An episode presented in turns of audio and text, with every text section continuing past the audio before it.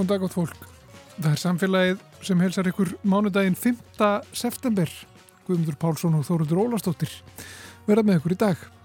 Ættu og ætla byggðir landsins að búa sig undir loftlagsbreytingar. Hvaða áhrif hefur þessi loftlagsvá á þéttbili Íslands? Við ætlum að skoða þetta á ímislegt fleira sem fjallavarum og fundi í morgun þar sem ringt var í hvernig aðlega má til dæmis innvið okkar, atunuvegi og samfélag að því sem vænta má. Við gerum okkur ferð sögur í Kópavók í morgun og hittum þar einn af kindilberum Punks á Íslandi. Gunnar Láru Sjálmarsson, doktor Gunna. Hann mun leiða göngu á miðvíkudaginn næsta um slóðir Punksins í Kópavói.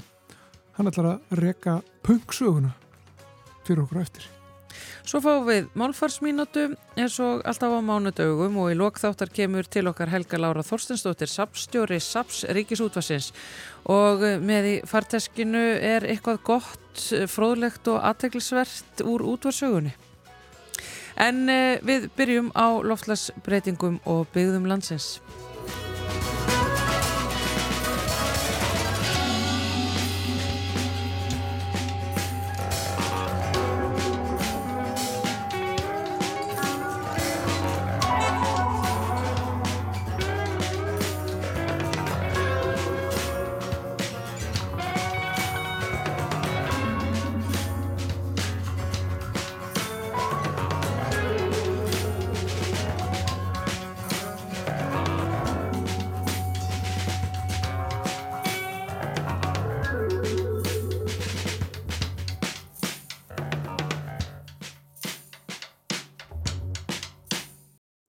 Morgun var haldinn fundur á vegu umhverfisraðunettisins, viðstofunar, byggðastofnunar og sambands íslenskra sveitarfélaga sem og Reykjavíkuborgar undir yfirskriftinni aðluguna breyttum heimi, hefjum samtalið.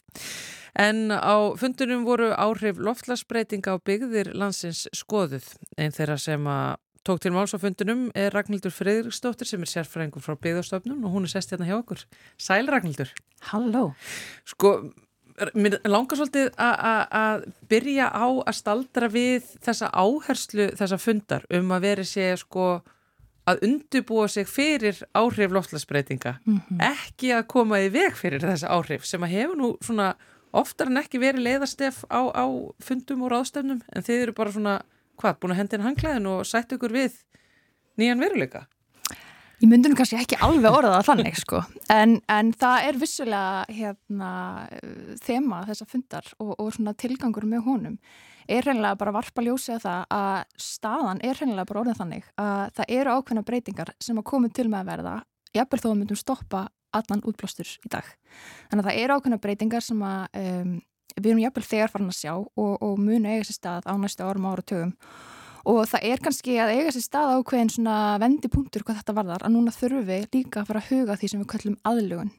Hinga til eins og nefnir réttilega að hérna, þá hefur fókusin mikið verið á þessar mótvægis aðgerir. Já, það er að segja aðgerir til að draga úr útblæsturinnum og bara styrk koldioxis í, í andurskloftinu og þessi fókus hefur verið bara hjá öllum heiminum mikið til. En það hefur kannski verið bara núna meira upp á síkasti sem þessi aðljónamál hafa verið að ná upp á borðið. Um, og við hérna á Íslandi höfum kannski verið svo litið eftir á í þessar umræðu uh, og, og aðrar Evropið þjóðir hafa gefið út sína stefnu í þessum aðlugunar málum. Það er að segja að þeir tala um aðlugun þá er það náttúrulega bara að vera að tala um hvernig við getum aðlaga samfélagin okkar, innviðin okkar uh, og, og bara já, aðlaga okkur að þeim breytingum sem að vænta má. Já, þá til dæmis eins og Evrópi er það þá bara að laga sig að því að það verði rosa heit sumur bara hérna framöndan hvernig ætlum við að díla við það í framtíðinni? Akkurat sko. En, en Íslands stjórnlustist gáfi út núna á síðasta ári e, sína stefnu í aðlun og loslasbreytingum e, mm -hmm. og hérna og núna í kjölfarið er svo núna að hefjast vinna við svona gerð svona aðlunar e, aðgerðar áallunar svona í tengslu við þessa stefnu. Já. En hérna, já og þessi fundur uh, var haldin einmitt til að bara svona hefja þetta samtal eins og títillin á fundinum ber með sér. Um, þetta er alveg ný umræða, losleis umræðan hefur svolítið verið á útblásturstölur og leiðir til að menga minna og, og, og þar fram til göttunum og þó að aðljónamál og mótvæðis aðgerðir, þetta helst samt vissulega í hendur og það er alls ekki þannig og mér finnst svo mikilvægt að undirstryka það að þó við sem byrja að tala um aðlunamál það er alls ekki þannig einmitt að við sem að fara að henda inn hérna hvita fánanum hvað var að móta þess aðgerinnar eða leiði til dragurblastri af því að það náttúrulega bara ákvarðar áhrif framtíðarinnar. Og við mögum ekki slá slöku við á þeim vettvangi en við þurfum bara núna að fara að taka þessi mál inn í, inn í umræðina Sko þinn fyrirlestur fjallar um hvað sé í húfi fyrir byggðir landsins uh, og ég veit að, að, að fólk náttúrulega bara hérna uh, út um all land kannski blakkar þarna við eironum mm -hmm. hvað, hverju er þetta að fara að breyta fyrir mína sveit, fyrir mitt þorp fyrir Akkurat. mína hægi Já, um, sko þegar við hugsaum um áhrif loslasbreytinga á, á Ísland þá hættur okkur til að hugsa bara, og ég set gæsalappur um bara þess að veðufarslegu hérna, beinu veðufarslegu hérna, áhrif, svo bráðnun jökla hækkandi hítastig eh, skriðuföll sem hefur náttúrulega verið svolítið í umræðinni náttúrulega eðlilega og hækkun yfirbúr sjávar. En það sem að mitt erindi eh, það sem það átt að skila er að bara hreinlega við þurfum núna að fara að hugsa þetta í starra samhengi þurfum að fara að hugsa um atvinnugreinar okkar og ég talaði sérstaklega um sjáurðum bara sem svona dæmi eh, að tala um bara hvaða breytingar komu til með að eiga sér stað í, í umhverfi atvinnugreinar okkar. Nú er margar okkar helstu atvinnugreinar bara byggðar á, uh, á bara auðlindunum okkar Já. og hvaða áhrif hafa loslasbreytingar á auðlindunar okkar og hvaða áhrif hefur það svo á atvinnugreinar okkar og hvaða áhrif hefur það svo niður á samfélagin okkar, á efnahægin okkar, störf fólks hvar eru greinandur okkar viðkvæmastar? Eins og bara með sjáurudvegin það er náttúrulega heilmikil áhrif sem að eh, breytinga sem að koma til með eiga sér stað í hafinu og eru þegar farin að eiga sér stað. Og þetta er alveg eitthvað sem að Íslandika svo sem þekkja en gleima að við höfum farið í gegnum eins og til dæmis þegar síldin fór. Mm. Það var gríðalegt áfall og hafði mikil áhrif á, á bæjarfélög út um allt land. Mm -hmm. Þannig að veist, hér hafa vistfræðingar komið í, í viðtölu í samfélagið og talað um bara eh, það sem að getur mögulega gerst í hafinu og sagt bara, ég menna, við erum að tala um breytingar á þessum skala. Mm -hmm. Bara eins og þegar síldin fór. Já, akkurat sko. Og, og ég minna þeir sem eru nú eldri en tvæ vetur og eru frá Siglufjörði vita bara hvað er verið að tala um. Og það er ekki það er ekki físileg framtíðasín Nei, en einhver síður framtíðasín sem við þurfum að fara sagt, hvað ég segja já, bara svona kortleggja og meta. Og líka bara eins og með okkar sjáurtveg þú veist, ef við höfum einhverju hugmyndum hvar helstu breytingarnar koma til með þessi stað uh, og hvernig þá þurfum við að fara að hugsa út í hvar er, hvar er aðtunningrunum okkur viðkvæmastar, hvar er við berskjölduðist og líka, það sem er svo mikilvægt að það sé haldi á lofti í þessar umræði líka að það koma til með alveg á öllu, öllu, öllum líkindum koma til með að vera tækifæri í þessu líka, eins og til dæmis bara fyrir íslenska sjáurðu, við förum að fá allt í ennu vermaðir afla eða, eða eitthvað slíkt. Uh, við þurfum líka að vera tilbúin að grípa tækifæri og þetta náttúrulega um um, með landbúnaðin uh, möguleg ný tækifæri til kortræktar og við þurfum líka að vera um, búin að kortlækja þessi tækifæri sum leiðist eins og neikvæða áhrifin af því að við þurfum líka að vera tilbúin að grýpa tækifærin ef þau, ef þau gefast. Þannig að e, hvernig er þetta samt gert í praxis? Er þetta þá bara teiknað upp einhver sviðsmynd, bara segjum svo að uh, þessi nýtjastofstegund í, í, í hafinu hrinni alfarið eða mhm. færi sig í burtu af Íslandsmiðum.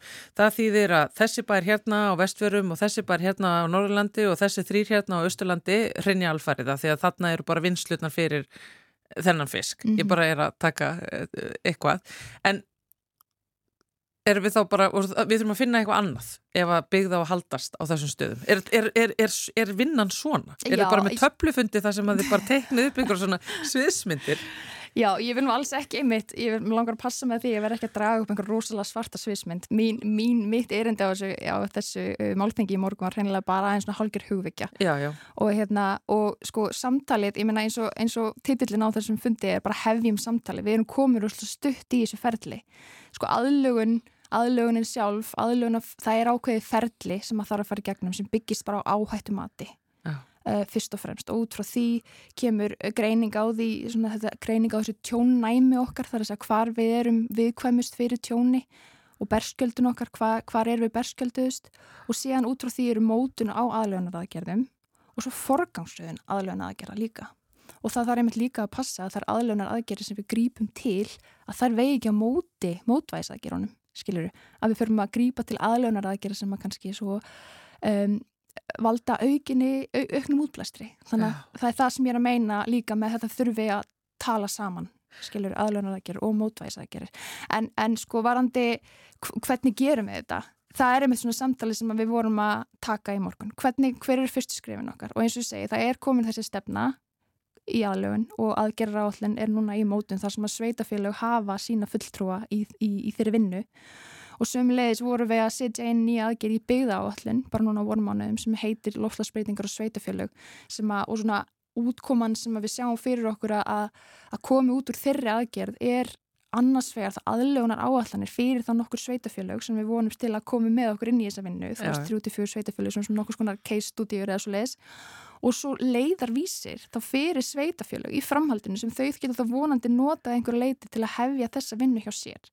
Og þá er annars verið hægt að fara í það sem við kallum þrönganálgun í svona aðlæðanar áallin þar sem við skoðum kannski bara einn áhættu þátt og hérna mögulegar afleiðingar þessa áhættu þáttar á, á, á, á hérna, já, innviði og á samfélagið og þá aðlæðanar áallin út frá því. Ja. svo eru við líka með svona það sem við kallum uh, víðnálgun hittaþröngnálgun og víðnálgun þá hérna sagt, skoðu, tökum við heilstæðari greiningu. Þá fyrir við að skoða hver vera áhrif á hérna, eh, veist, einmitt þær atvinnugreina sem eru ríkjandi í þessum sveitafélögum uh, á, á samfélagið og bara heilstæðari nálgun, heilstæðari úttekt og þar á leiðandi heilstæðari aðlöðanar áallin sem er náttúrulega samt sem áður heilmikil pakki eins og við getur ímyndaðir að fara í slíka vinnu. Rósalegu pakki og einmitt það sem þú ert að lýsa þarna það er náttúrulega svo mikilvægt að gera þetta með sveitafélagun sjálfu mm. þannig að það sé ekki alltaf einhverjir sérfæringar að sunnan sem að sparka upp dyrunum í plásunum og segja bara herðir, núna eru loftlagsbreytingar að koma og það mun þýða svona og svona og svona hérna fyrir ykkar heima sveit og við erum búin að búa hér til töflufund sem að veist, það verður að vera veist, fólkið í byggðunum þarf líka að hugsa þetta upp. Já og mér fannst það svo frábært við hennan fund í morgun líka, við vorum með fulltrúa sveitafélaga hana nokkra, og sem voru hann í pallborði. Og þá, þau voru bara öll að vilja gerð og þau eru meðvituð um þessa stöðu og þau eru tilbúin í hennan slag og mér fannst það ótrúlega frábært Já. að hérna, heyra í þeim þarna. Og það sem að, einmitt, þetta er líka svo, þetta er svo þverfaglegt viðfáksefni við þurfum að þetta þarf, þetta krefst ríkssamtals uh, sveitafélaga og ríkisins og bara allra stopnana á landinu þetta samtal sem framöndan er að þetta tekur á umhverfislegum þáttum, efnahagslegum og samfélagslegum þáttum og fengur frábært erindi frá hann hérna tinnu uh, nú mann ekki hvað stóttur hún er tinnu hjá Östubrú fyrir, fyrir austan þar sem að hún var lokaði svolítið fundinum á að tala um hérna uh, sagt, rannsókn sem þau gerðu á sagt, félagslega seglu í kjölfur náttúrhanfara og þetta var bara, það mátti heyra saumnáld þetta hann í þessu erindi, þar sem hún var að tala um bara áhrifin sem að skriðuföllin og segðisveri eh, höfðu á samfélagið. Já. og bara svona um, já, þetta, þetta var rosalega uh, áhugavert að fá þetta erindi hann í lókin til að við áttum okkur á því, þetta er einmitt ekki bara spurningum bránandi jökla og, og, og, og hérna rigningar, þetta er líka spurningum fólkið okkar og öryggi þess. Og þetta er einmitt eh, það að fá að heyra í seðfyringu með þetta þegar loftlagsárhegin ruttur svona svolítið inn Já. til þeirra mm. með þessum hræðilega hætti og, og, og þetta er sko, það var ekkert aðlunaferli og það var ekkert einhverjir hérna E, e, hefja samtali fundir, þau bara fengu þetta bara inn á sitt borð og hafa einmitt eh, tekist á við þetta og einmitt þarna það reyndi mikið á samfélagið og einmitt á fólki sem að hérna, stjórnar á ákveður af því að allt í hennu ertu farin að frá því að setja sveitastjórnarfundi þar sem þú ert að ræða um einhver hafnamál eða frávitaðagirir sem er bara hreinlega við þurfum að endurskipulegja eða hvernig við hugsaum þessa byggð hérna. mm, út, frá, sko.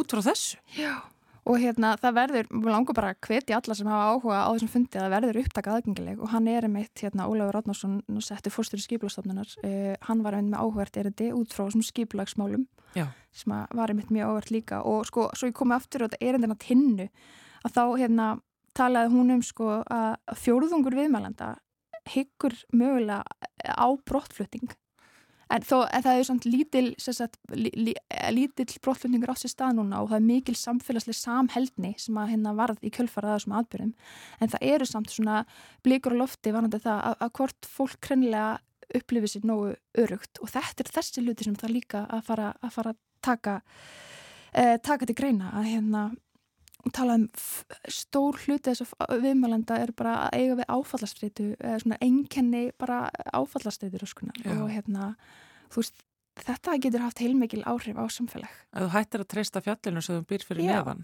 Hún var um þetta að tala um, tók dæmi um fólk sem hafði alltaf litið svo fallega til fjallsins en allt í hennu var bara, það var bara reitt við fjöllin sín í þessu, í þessu ferli sko. Og þetta var mjög, mjög áhugavert, áhugaverð neðustur og áhugavert hérna áhugavert framsaga hjá henni tinnu. Sko, þú náttúrulega ert á því sem heitir þróunarsvið þarna hjá byggðastofnun. Uh, eru þá þessi mál og þessar svona framtíðar sviðsmyndir og mögulegar um, möguleg viðbrögð og aðstóð og, og, og, og, leiðbeinandi eh, leiðbeining fyrir þá sem að þurfa að takast á við þetta. Er það inn á borði hjá ykkur? Svo, þessi framtíðar sín? Sko máli er bara að staðan í þessum málum er svo að þetta kemur okkur bara öllum við. Hvort sem þú hérna lítur á það sem svo að það sé þínum verkarhing að takast á við þetta ekki.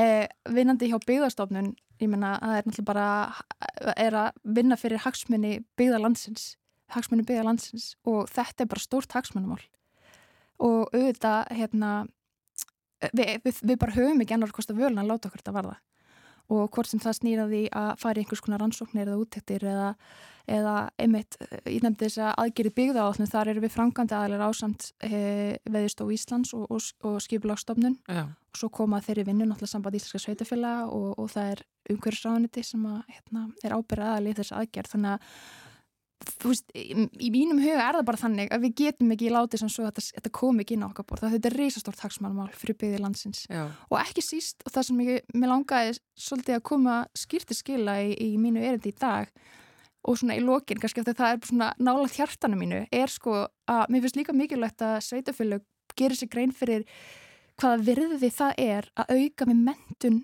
unga fólksins okkar í nýsköpun í, í, í frumkvölufræð og, og, hérna bara í umhverfisfræðum. Af því að eins og segi þá koma til með að koma hérna jákvæðar hlutir á öllum líkindum út af þessu. Sum jákvæða áhrif eru kannski svona augljós í eðli sínu, nýja nýtjategundir nýjar tegundir sem við getum farið að hérna rækta eða, eða, eða komi eldi eða eitthvað slíkt sko sem kannski svona augljós hvernig við grípum. En það er líka fullt af hlutum um, sem að fullt af tækifærnum sem verða ekki til nema hennilega við búum þeim til og ef við náum að búa þannig um hnútana í sveitafélagunum okkar að við búum yfir þeim mannuði sem þarf og þeim frjóa nýsköpuna jarðvegi sem þarf til þess að fá þessa hluti upp á yfirborðið til að unga fólki okkar finni fyrir því að, að sko, þeirra drivkraftur og hugmyndir hafi mikið að segja ekki bara fyrir þau sjálf heldur líka bara fyrir samfélagið þeirra að mér finnst bara mikilvægt að halda því á lofti líka hvað svona bara mentun og nýsköpun og hugvit, hver veit nema hugvit verður okkar stærsta útlunningsgrein innan þessum málflokks eftir einhver ár. Það var náttúrulega merkjað. En fyrst þú ert á þessu nótum, Ragnhildur, getur þú líka hjálpa okkur að komast yfir óbræði sem að fylgir því að sjá tækifæri í Akkurat. hræðilegum hlutum eins og Algjörlega. loftlagsbreytingum. Já. Getur aðeins bara, ef þú getur, um, mér langar að heyra bara svona þín fimm cent um það. Já, auðvitað, þú veist, og þetta hljóma næst í þessu hræstni að fara að tala um jákvæð Þetta er alltaf pínu erfitt, Já, sko. akkurat sko, og ég tengi alveg vel við það. En ef við ætlum að fara út í þessa umræði bara með einhverja dómstagsspár um að allt sé ómögulegt og, og allt það, að, að sko raunin er í þessum málflokki að, ég meina, bara ef þú skoðar breytingi útbreyslu tegunda, í, bara í hafinu, Mm -hmm. Þessar breytingar er þegar fannar í þessi stað. Fjölda, ég veit ekki, ég heyrði nú einhvern tíman um 50% sjáalífur að séu búin að færa sig einhverju leiti uh, og ég hérna segi það algjör lóstaðfest en hérna þetta er alltaf að fara að sjást nú þegar og þetta er fara að hafa áhrif á kvóta, útdelingu kvóta uh, útdelingu veiði heimilda bæði innan Evropasambandsins og hér Mhm. þegar fiskur færi sig allt í nú er einni lögsu í aðra hver á rétt á að veiða fiskin uh, og hérna bara svona svo, og svo út frá þessu spretta alls konar spenna á milli þjóða sem að eiga þessum og við náttúrulega þekkjum dæmi um já, strax sko. En þetta þýðir samt að í einhverjum tilfellum er einhver sem græða og það er einhver sem tapa. Skilur við, það er þetta winners and losers dæmi, sko. Þannig að hérna, jú, ég tengi fast við þetta sem þú segir með þetta óbræði munninum. En ég held samt að við séum pínu að stinga höfðunum í sandinu við ætlum ekki að horfast auguðu það líka að það koma til með að vera tækifæri hérna. Og þau eru nú þegar sem hver koma upp á yfirborðið. Já, og það er einmitt oft úr bara svona hérna, erfiðum tímum og, og myrkri framtíðarsvín sín kemur magnað hugvit. Mm, Þa, það, það er nú bara þannig og við þekkjum það í sögunni. Já, akkurat. Þannig já, við verum bara að horfast í augu við þetta, kingja óbræðinu, horfast í augu við það sem er að fara að gerast og grípa til aðgerða og hugsa þetta og hefja samtalið og það Já. er bara hérna, ánægilegt að heyra að þetta hafi gengið svona vel á þessum fundi hjá okkur í morgun. sem einmitt verður aðgengilegur á, á vefnum síður í dag og uh, við hvetjum uh, fólk til þess að kíkja inn á hann og, og skoða þetta. Ragnhildur Friðarsdóttir, sérfræðingur hjá Beigðarstofnun. Takk hjá fyrir kominninga í samfélagið. Takk fyrir mig.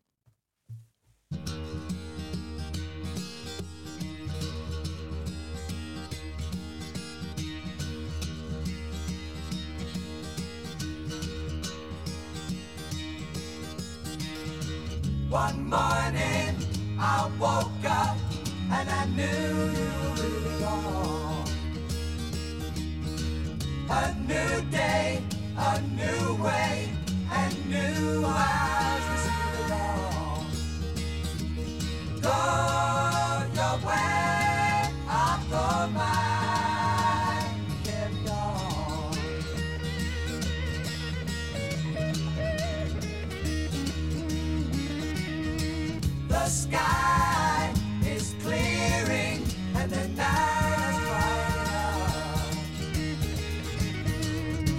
side.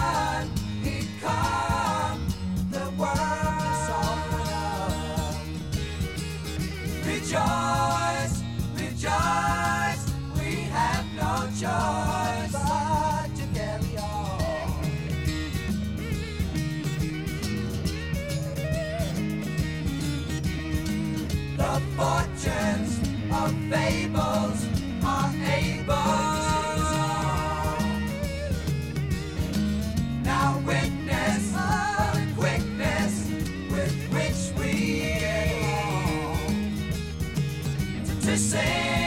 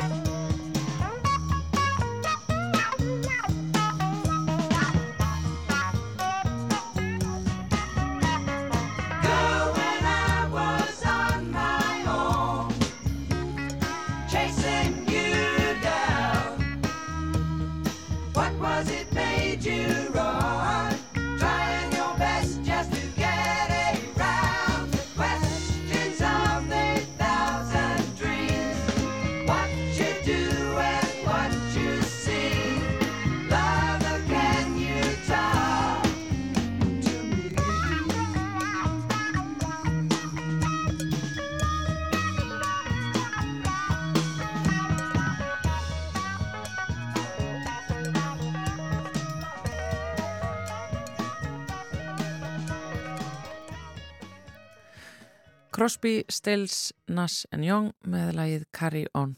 En samfélagið heimsótti Dr. Gunna í Kópavogi í dag. Sólinn skín hér uh, við Hamraborgina í Kópavogi eins og kannski flesta daga, ég veit það ekki er það þannig, Gunni? Nei, held ég nú ekki, ekki frekar en annar staðar. Það er ekkert skára að vera veður hér heldur en annar staðar á höfuborgarsvæðinu. En að mista kosti þá, þá er gott að vera í dag. E, ástæðan fyrir að við erum að hittast þér í góðbóðunum er, er svo að þú e, ætlar að fara hér mikla göngu setna þessari viku og kynna fólk fyrir listisendum punks í góðbóði. Já, hér í Kópá var náttúrulega fættist punk á Íslandi, má segja. Og þá aðalega hérna í félagsheimilinu, Kópáðsbíói, sem stendur enn. En uh, gamli salurinn er nú, held ég, alveg farinn. Við fáum að fara hérna innskils mér til að kanna aðstæður. En uh, já, hérna sem sagt varð fyrir, má segja, brautriðenda starf fræflana. Hér var Íslensk punk til 79, 80, 81. Þessi ár sem að hafa verið kolluð Rocky Reykjavík tímanbilið. Ætti náttúrulega að vera Rocky Kópói, en uh, það er eins og það er. Og það var náttúrulega ekki, ekki síst fyrir, fyrir velgegni auðdangarsmann og Bubba Morten sem að þetta varð að því sem það varð og náttúrulega líka vegna þess að Fridrik Þór og, og hans mannskapur var hér voru hér eins og grái kettir að filma þetta allt saman. Og, og afræksturinn var svo síndur sem Rocky Reykjavík um páskana 82 þá er þetta visslauti búið þetta, þetta mjög svo stutta en mjög svo góða tímabili í íslenskri rocksögu En af hverju er Kópavóður svona mikilvægur sem einhvers konar svona miðstöð punks? Já, það er eins og ég segi, það er vegna fræblana sem voru hérna, Valgardur Guðjónsson og Stefan Karl Guðjónsson, ekki bræðursand. Eh, þeir voru hérna í MK, Nettskóla Kópavóks, og voru að hlusta á, á punk og voru miklir áhuga menn um þessa músík. Og eins og oft er þá vildu þeir sjálfur fara að spila. Þó þeir hefur náttúrulega ekkert sérstaklega hæfileika til þess eins og hefur margótt komið fram í allri gaggríni um það svona fyrstu árin. Og þeir byrjuði á því að setja saman prógram sem er fluttu á því sem hétt Myrkramessa mentaskólans sem var svona árlegur árlegt listakvöld og þá var einhver vinu þeirra sem hafi komið frá bandarengjunum með einhverjar gráður eða einhvernir þaðan sem að Ingólfur Þorkjálsson, skólamestari Kópavóks, skóla, eh, meldskólans í Kópaví, vildi ekki taka gildar. Þannig að þetta einhver, voru einhver leiðindi.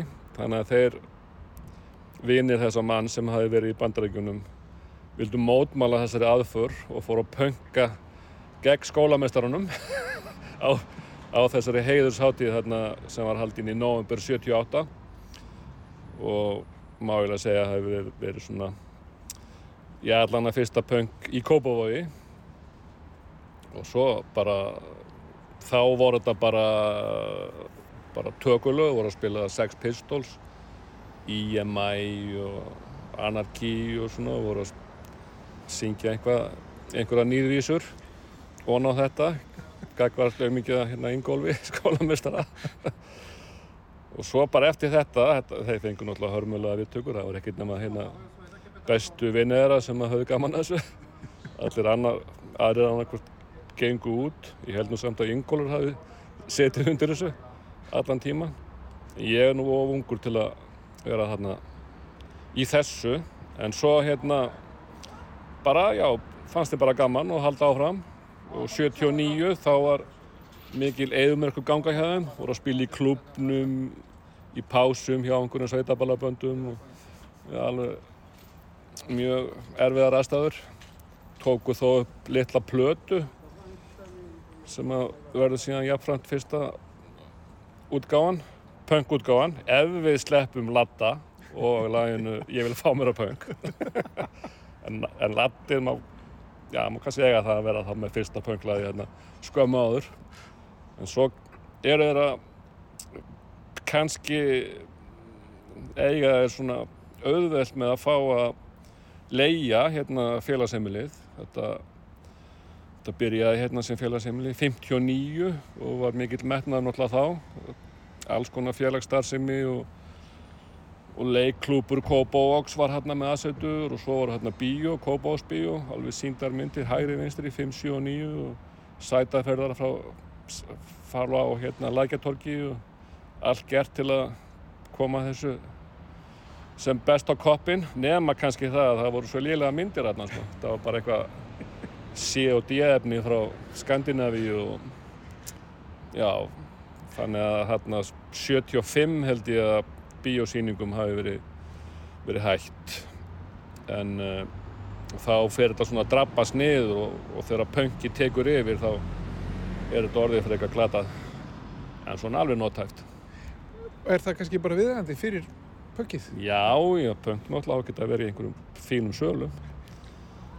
Og, og þeir halda hérna fyrstu íslensku Rablarocks hátíðina í november 79 og halda svo áfram og eru hérna um á, uh, á skýrdag uh, nei, hérna lögadaginn fyrir páska í april 80 og þá er hérna komið ný hljónsett sem spilar á undan þeim sem heitir Utangalsmenn og er með Bubba Mortens. Og þetta, mér skilst að þetta séu þriðju ofinböru tónleikar Utangalsmanna. Þeir höfðu reynd spila einhverja tvenna svona frekar litla tónleika á undan þessu.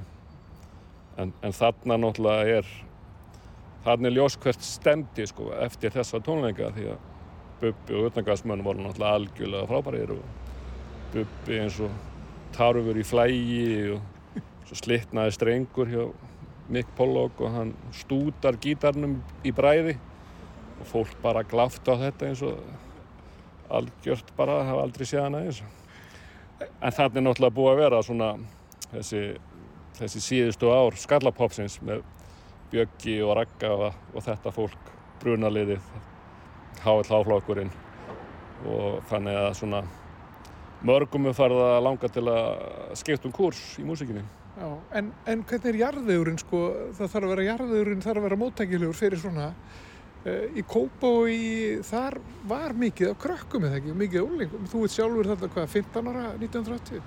Já, 14, ég hef verið mitt spila í fyrsta skipt ofinbeglega hérna á þessum sömu tónleikum þegar Bubbi slæri gegn. Uh, 14, jú, jú, það var fullt af krökkum og, og mörgum fannst þetta skemmtilegt og margir taka sér spýtu í hönd og fara að glamra. Og að og líka, veist, við það var kannski ekkert það voru, voru margir sem voru búin að fá leið á hérna uh, diskóinu eins og, við- við kallum þetta. Það var bara, hérna heimurinn var bara skiptur í tvent, diskopunk. Og bara allir voru annarkoð disko eða punk. Og hérna, hérna ég man að lagið hérna Nín og Geiri var búin að vera á repeat hjá í ríkisútröppinu í nokkra mánuði. Þannig að það voru bara allir til í þetta sko Ef, var þú segir disco og punk og var það bara sko, var það punk og allt hitt var disco? Í, í, í ykkar og náttúrulega venjum sem aðhylltu punkið. svona ef að fólk gæti alveg verið punk þó að vissi ekki að því sjálf sko. Það var bara svona, svona yfirholningin á fólki sko. Við vorum ykkur í hérna úlingavinnunni og vorum í einhverju pásu. Það er náttúrulega aðalega pása í svo úlingavinnu og vorum að, að svona skoða bílana sem komu og vorum svona að skiptis í flokka þetta er diskobíl hérna og þetta er punkbíl já já er, þetta er náttúrulega kannski endur speklað hvernig heimurinn var. Það var bara, þú veist, annarkvæmt varstu kommi eða ekki kommi. Eða varst í liði með bandaríkunum eða sótríkunum þannig að það var svona, svona auðvelt að skipta, skipta heiminum í tvent ef við veltum aðeins fyrir okkur bara sko, vettvangi punksins já, Eh, það er, þú er búin að nefna hérna félagsheimilið og, og, bíóið sem var já eða sama húsið. já, jú, jú. en, en hvað fleiri, voru einhverjar, sjoppur sem að stóðu upp úr í, í dæmis? Nei, það var nú eiginlega engin það var nú engin svona góðsatna kent sjoppa hérna í Kópaví sem mann eftir sko það voru, Krón var hérna með bara búð við hliðina það sem ég bjó á Álfólsvegi og þar var náttúrulega sjoppa aðeins setna sem hér Stá Sölu Turnin Álfólsvegi og svo var hann hérna einhver kofaræksninir á auðbrekku Nei, það var ekkert svona hangout beint sko. Þannig að það var nú ekkert mikið gengi í þessari gönguferð. En ég reynir samt að hérna, tegi þetta aðeins, en við erum hérna aðalega í Hamraborginni sem að, sem að kom hérna þegar ég var 10 ára, uh, 75, þá var svona að koma að mynda á þetta. Fyrir það eins og flest í Kópaví var bara allt hérna einhverju móar og einstakar skúrar. Og hérna þetta er náttúrulega algjört uh, algjör steinstöpu frumskóður og, og mjög glæsileg umgjör fyrir pöngi þetta er hérna undirgöng þar sem að alls konar glæpagengi heldur til og veiktust af fólki. Svo náttúrulega þessi frægu hérna, undirgöng undir skiptistöðin í Kópaví sem er hérna örstuðt frá. Og ég held að gangan muni alveg fara að hanga líka sko. Svo er ég hérna með tvö æfingalokal sem ég ætla að benda á eða lappa að. Þannig að þetta er mjög þægileg ganga og vonum bara að veðrið verið eins gott á í dag. Og Mhm. reynum að hafa bara gaman að þessu í nokkra mjöndur. Klukkutíma Aðeins þessum undirgöngum, sko. Þa, það, maður heyrði sögur á sínu tíma um, sko, þarna væri bara, já, það væri bara allra hörðustu sem að getu hætt sér þangað. Þetta væri svo mikil skrýll. Já, Var það ég ætla Voru það ræflar okkar hann? myndi ekki heita bara einhverju vandraálingar í dag Já, hann má nú örugglega ekki kalla það heldur bara eitthvað ADHD-lið Já, ég veit ekki, þetta ég var nú eiginlega aldrei, ég var ekki svona mikið í svona ógæfu, sko, en ég samt bruggaði bjór sem var 16% og við heldum að 5 lítra rauðvinskút. Og reyndum að taka mig í strætónu í bæ. Ég til dæmis sniffa aldrei lím og svona, þannig að ég, ég er nú frekar soft. Þú var Jó, það eftir, jó, kannski. ég var það eftir í ellinni.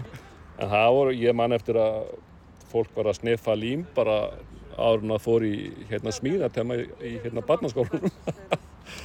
þetta var, þetta var ansi sjúskað svona ferlegt dæmi. Fólk var með þetta í einhverjum brúnum breyðpókum og svo bara áður en að smíðatíminn byrjaði þá bara skrappaði aðeins frá og var svo bara þægilega, eða óþægilega út úr heiminum í smíðatíma en í þessum göngum þá jó, ég var manni var nú ekkert allt og vel við að fara þarna sko. Af því að það voru oft eitthvað liðhangandi hérna uh, jafnvel þessi litlu pöngara sem voru mikið á hlemmi líka.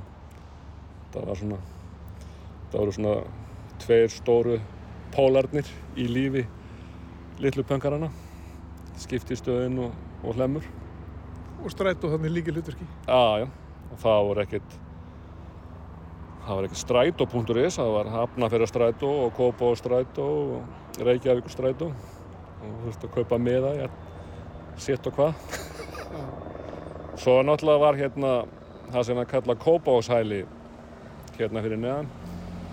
Og það, og það svona fólki þaðan setti líka smá svip á svona mannlýsflóruna Já. það svona sullaðist allt saman í svona frekar öðruvísi raunveruleika en það sem við lifum við í dag þetta góðu tími? Ertu, þú Já, sko, já. Ég veit að þú ert svona safnari og þú ert svona rifjar svolítið upp eh, gamla tíma og þú er gaman að þessu eh, á svona lítum öxl. Ertu, svona, það er svona nostalgía í þér. Nei, ég, nú, ég myndi ekkert vilja hafa þetta aftur svona sko. það er bara mjög gott í dag en menna, þetta var bara svona og það er alltaf að benda á það og, og rifja það upp. Og þetta var náttúrulega algjörlega annar heimur. Menna, veist, ekkert internet og engi farsímar og allt þetta sem gamalt fólk er óþreytandi við að minnast á. En hvernig verður þessu hátt að þetta er á miðvikudaginn ekki sett? Já, miðvikudaginn klukkan 12.15 þá á að hittast eða hann aðeins fyrir í bókasafninu og ganga svo inn í myrkviði steipu frum skórins og gá hvað við finnum þar. Já. Og svo bara er fólki skila aftur á sama stað, vonandi ólamið að glæpa gengjum. Gunnar Lárus Hjálmarsson, Dr. Gunni, takk fyrir þetta. Já, takk fyrir Og, og bara góða skemmtun í þessari punk-gungu á miðvikudaginn.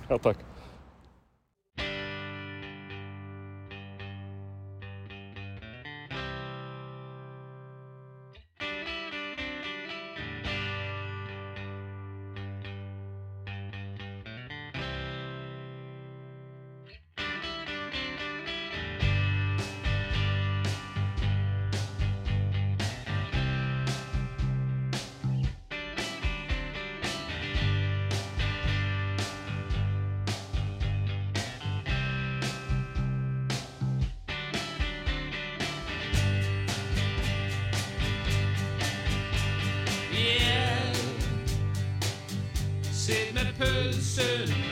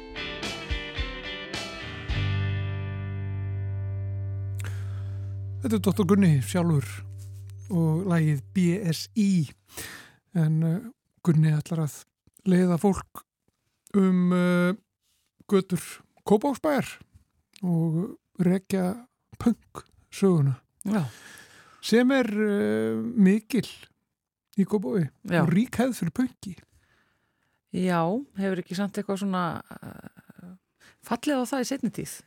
Nei, nei, Er það? Nei, það nei, eru, fall- allir pönkarættinir í Kópavögi? Ná, ég veit það nú ekki en, en, en svona Eldast pönkarar vegur vel? punksins ha, Eldast pönkarar vel? Já, ég gera það Já, já, Ég gera það og, og hérna, já, punkið punkið lifir í Kópavogi held ég Um, að, uh, svo við pönkum nú aðeins hérna í samfélaginu og tölum um veðrið, þá Mhm. er búið að- að setja út hjá veðstofinu stutt yfirliti við tíðafari ágúst.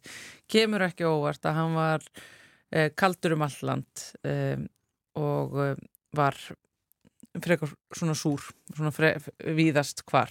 Já, það segir hér að sko ágústmann var tiltölulega kaldur Já, þetta var Um ekki, þetta var ekki alls en, en það voru hlýjendum norðaustavertlandi undir lok mánaðar og hæsti hitti sumarsins mældist á mánarbakka þann 30. Já. Það var nú alveg bara síðasti sjens Já, já.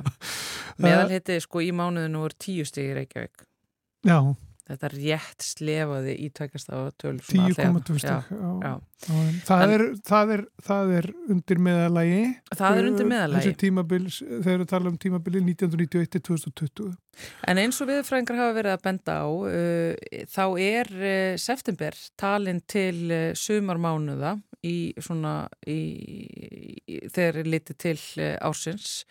Og september er alla jafna og hefur sögulega verið heitari heldur en uh, mæ Já, einmitt, og nákvæmlega það sem að af er septembermánuð þá verðist vera að við séum á leiðin inn í mjög góðan mánuð og því fagnar náttúrulega allir og ekki hvað síst berjavinnir og áhuga fólkum norðurljós. Berja vinir Já. já. Það er ennþá hægt að komast í ber við á land, um, er að svona lala spretta það fer náttúrulega eftir hvert þú ferð og, og hvað þú ert að sækjast eftir en síðan er það náttúrulega besta við september sem að hérna, eh, fólk varðvart núna um helgina að það er hægt að sjá norðurljós í september og það Mhm. er ekki það kalt að þú getur staðið úti og hort upp í heiminin mjög lengi án þess að, án þess að, að kólna og fá kvefi. Já. en þú, þú sleppur ekki á hálsríðin. Þú, Nei, þú, verð, e, þú getur líka náttúrulega alltaf bara lagst á jörðina. Það að er það leggist ekki berin samt, það það, er- það eðilegu fötin. nákvæmlega. Það er gott að hafa þessi hollur ráð í, í huga uh, ef maður ætlar að ganga til berja. En rétt um sko sumarið, uh, sumarið var kalt. Já. Sér í lagi þegar sumur þessarar aldar eru skoðuð, mjög hlýir dagar voru fáir og meðal hitt í Reykjavík er að þú segir 10,1 stig í sumar sem er undir þessu meðaltali sem við vorum að tala um að hann og sumarið, júni til ágúst í Reykjavík var það næst kaldasta á þessari öld. Það var kaldara sumarið 2018 þannig að eh, já þannig, þannig lítið það át en, en september lofar góðu byrjar vel, Já, hann byrjar vel. Við Já. skulum svo sjá hvað gerist. einmitt. Við ætlum að tala við hana Helgu Láru Þorsteinsdóttur hér á eftir, Eh, hún er sapstjóri RÚF, hún er hér með eitthvað gott í farteskinu sem hún ætlar að leiða okkur að heyra. Og uh, fyrst ætlum við að heyra málfarsmínútu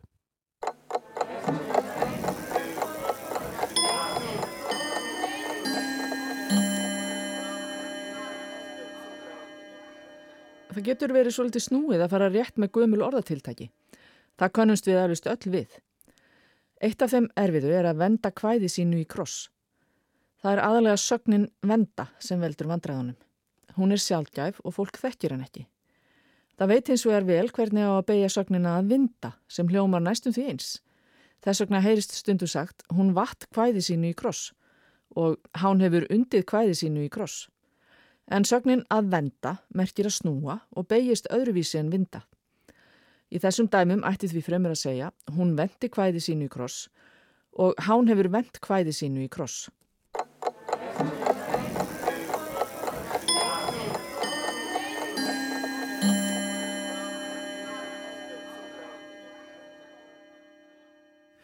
Málfarsmínata badgi, það var Anna Sigriður Þráhansdóttir Málfars ráðunötur Rúf sem að tók hana saman. Og uh, þá að uh, öðrum sérfræðingi hér á Rúf um, við höfum þá nokkra uh, fáum þá gertnan hingað til okkar í, í þáttinn og uh, að þessu sinni er það salpstjóri Rúf sem er hingað komin til okkar Helga Lára Þorstensdóttir Sælvertu Komið sæl. Það er náttúrulega bætist alltaf í þetta sapn hjá ykkur og þú getur öðru kóru lagt út net og veitt eitthvað upp fyrir okkur til þess að bera á borð hér í samfélaginu og þú ert með eitthvað, einhvern góðan fengi farteskinu í dag, ekki satt? Jú, við ætlum reyndar að spila brot uh, sem að tekið upp fyrir Rást 2 Já. hinn út á stöðin. Við leifum þetta. Já, já, en Rást 2 fagnar 40 ára ammali á næsta ári en stöðin fór sér fyrst í loftið 1. desember 1983 þannig að það er rúmt ári færtursammalið. Og það var ekkert mikið varfitt af segulböndum frá Rás 2 í árdaga stöðvarinnar.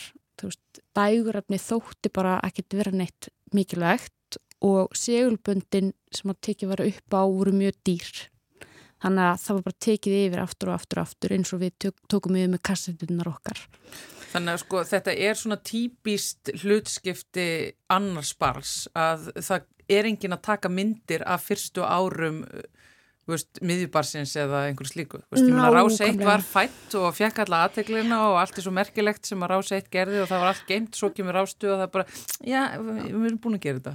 Já, ég segi það ekki, Rást 2 var bara svona léttari stöð og það var svona léttari stemming og þetta var, þetta voru dægumál og það þótti einhvern veginn ekki alveg jafn mikilvægt að varvita þætti þeirra stöður á þeim tíma eftir því sem ég skilst og ég sé það vegna þess að í safninu þá er ekkert rosalega mikið til af upptökum frá þessum fyrstu árum Rásar 2, það er bara staðreind. Já.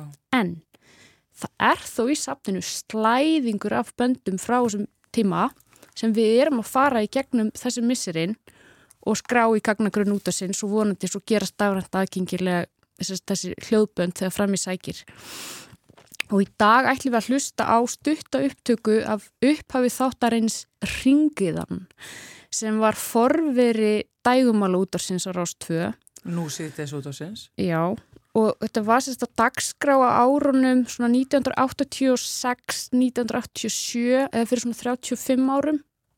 Og þarna er rástfjör endar hann þryggjar og gömul útastöð en hérna við heyrum hérna í afar hressu dagskrákjara fólki þeim Margréti Blöndal þarna 25 ára Hún er Með- 25 ára, já. Já. Hún, og er, þannig er hún að stíga sín fyrstu skref, er það ekki? Já, hún er búin að vera þrjú ár hjá útarpinu. Hún byrjaði Já. 1983 með úlinga þátt held ég á rás 1, svo færði hún sig yfir á rás 2. Já, og kom síðan líka við í það við og var í sjómarpinu og þar fram til göttunum. Já, Og skemmtilegt að segja, sko, ég held nefnilega hún hafi verið hjá Rástvö Mm. Þegar hún var með dóttur sína Sigyn Blöndal sem e, er líka e, aðdáðandum rúfa góðu kunna þegar hún var hér með stundin okkar um árabil Mhm. og hún var alltaf með hana í vinnunni og Sigyn lærði sem sagt að umgangast e, hérna, beinar útsendingar af mikilli verðingu og var pínulítil alltaf inn í stúdíu með mömmu sinni meðan hún var að tala á, á Rástvö og þagði alveg þar til að það var eitthvað í eitt skipti þá var hún alveg þurft svo mikið að fara á klósettið og þá kvíslaði hún að mömmu sinni en held að þá ætti hún bara kvísla í ljónum hann þannig að það kom, kom inn, í, inn í útsendinguna mamma, ég þarf svo að pissa og ég veit að, að Margaret Blöndal var að vonast til þess að, að upptakan af þessum þætti væri einhver staðar til ég þakka ábendinguna. Já, Við förum í málið, það verður að finna þetta. Já, en aftján, þarna heyrum við í Margréti Blöndal sem er 25 ára. Ég veit ekki hvort að Sigjum var fætt þarna. En hún er með brotta brotta sinni sem hefur þarna verið 34 ára þegar upptakan í gerð. Og er hann líka hress? Heyrðu, já, sko, þau drífa þennan þátt í gang í miklum sving. Og undir heyrist tónlistastef Gunnars Þórðarssonar sem er mjög í anda þessa tíma og þótti mjög töff. Og sko þessi tónlist er oft notu til að hljóðskreita ímsa stóra menningar viðburði sem maður fylgdist með á þessum tíma eins og til dæmis fegurðarsamkeppnir og ég veit ekki hvort þið muni eftir 200 ára afmæli Reykjavíkuborgar, þetta er svona ákveðin stemming og þetta þótti mjög töff.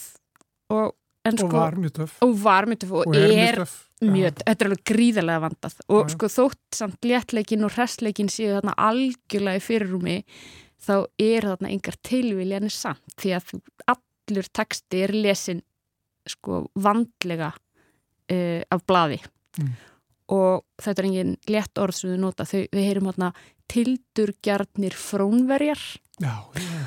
og akurisk drýlni til dæmis Við verðum bara að setja bara að þetta setja- er afstað með þetta strax. Ég held að uh, bara uh, hækkið í, tækjanum.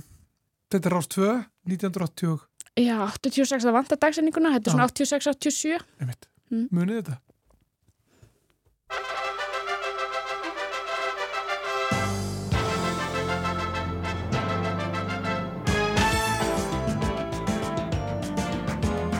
Er Ringiðan, síðdeis þáttur rásar 2.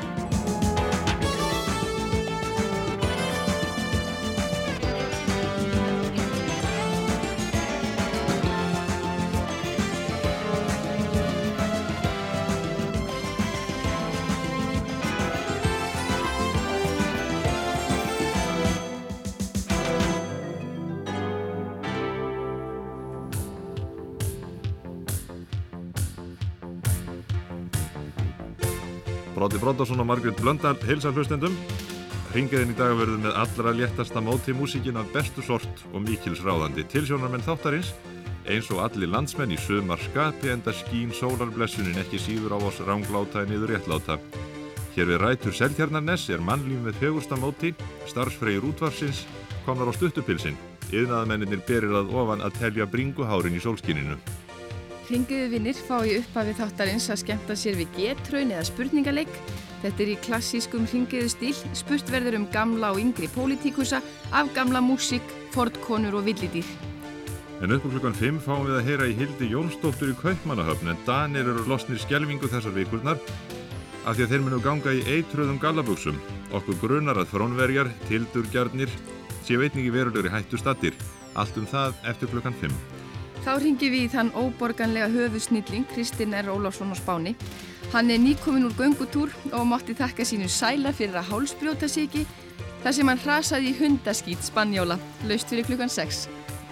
En akureyringar eru enn í sama, sama sömarskapinu og um daginn. Þeir verði hringiðunni eftir klukkan 6. Þjóðulegur norðan, hreimur og akureyrsku dríldni verður megin efnið á þeim tíma í bland við norska harmonikumúsík. Og við byrjum á dagskrafliðnum Broti Brotarsson velur tónlist til flutnings í útvarpi. Kvöldið er fagur, ég, ég, ég, ég, kvöldið er fagur, ég, ég, ég, ég, kvöldið er fagur, sól er sest og sefur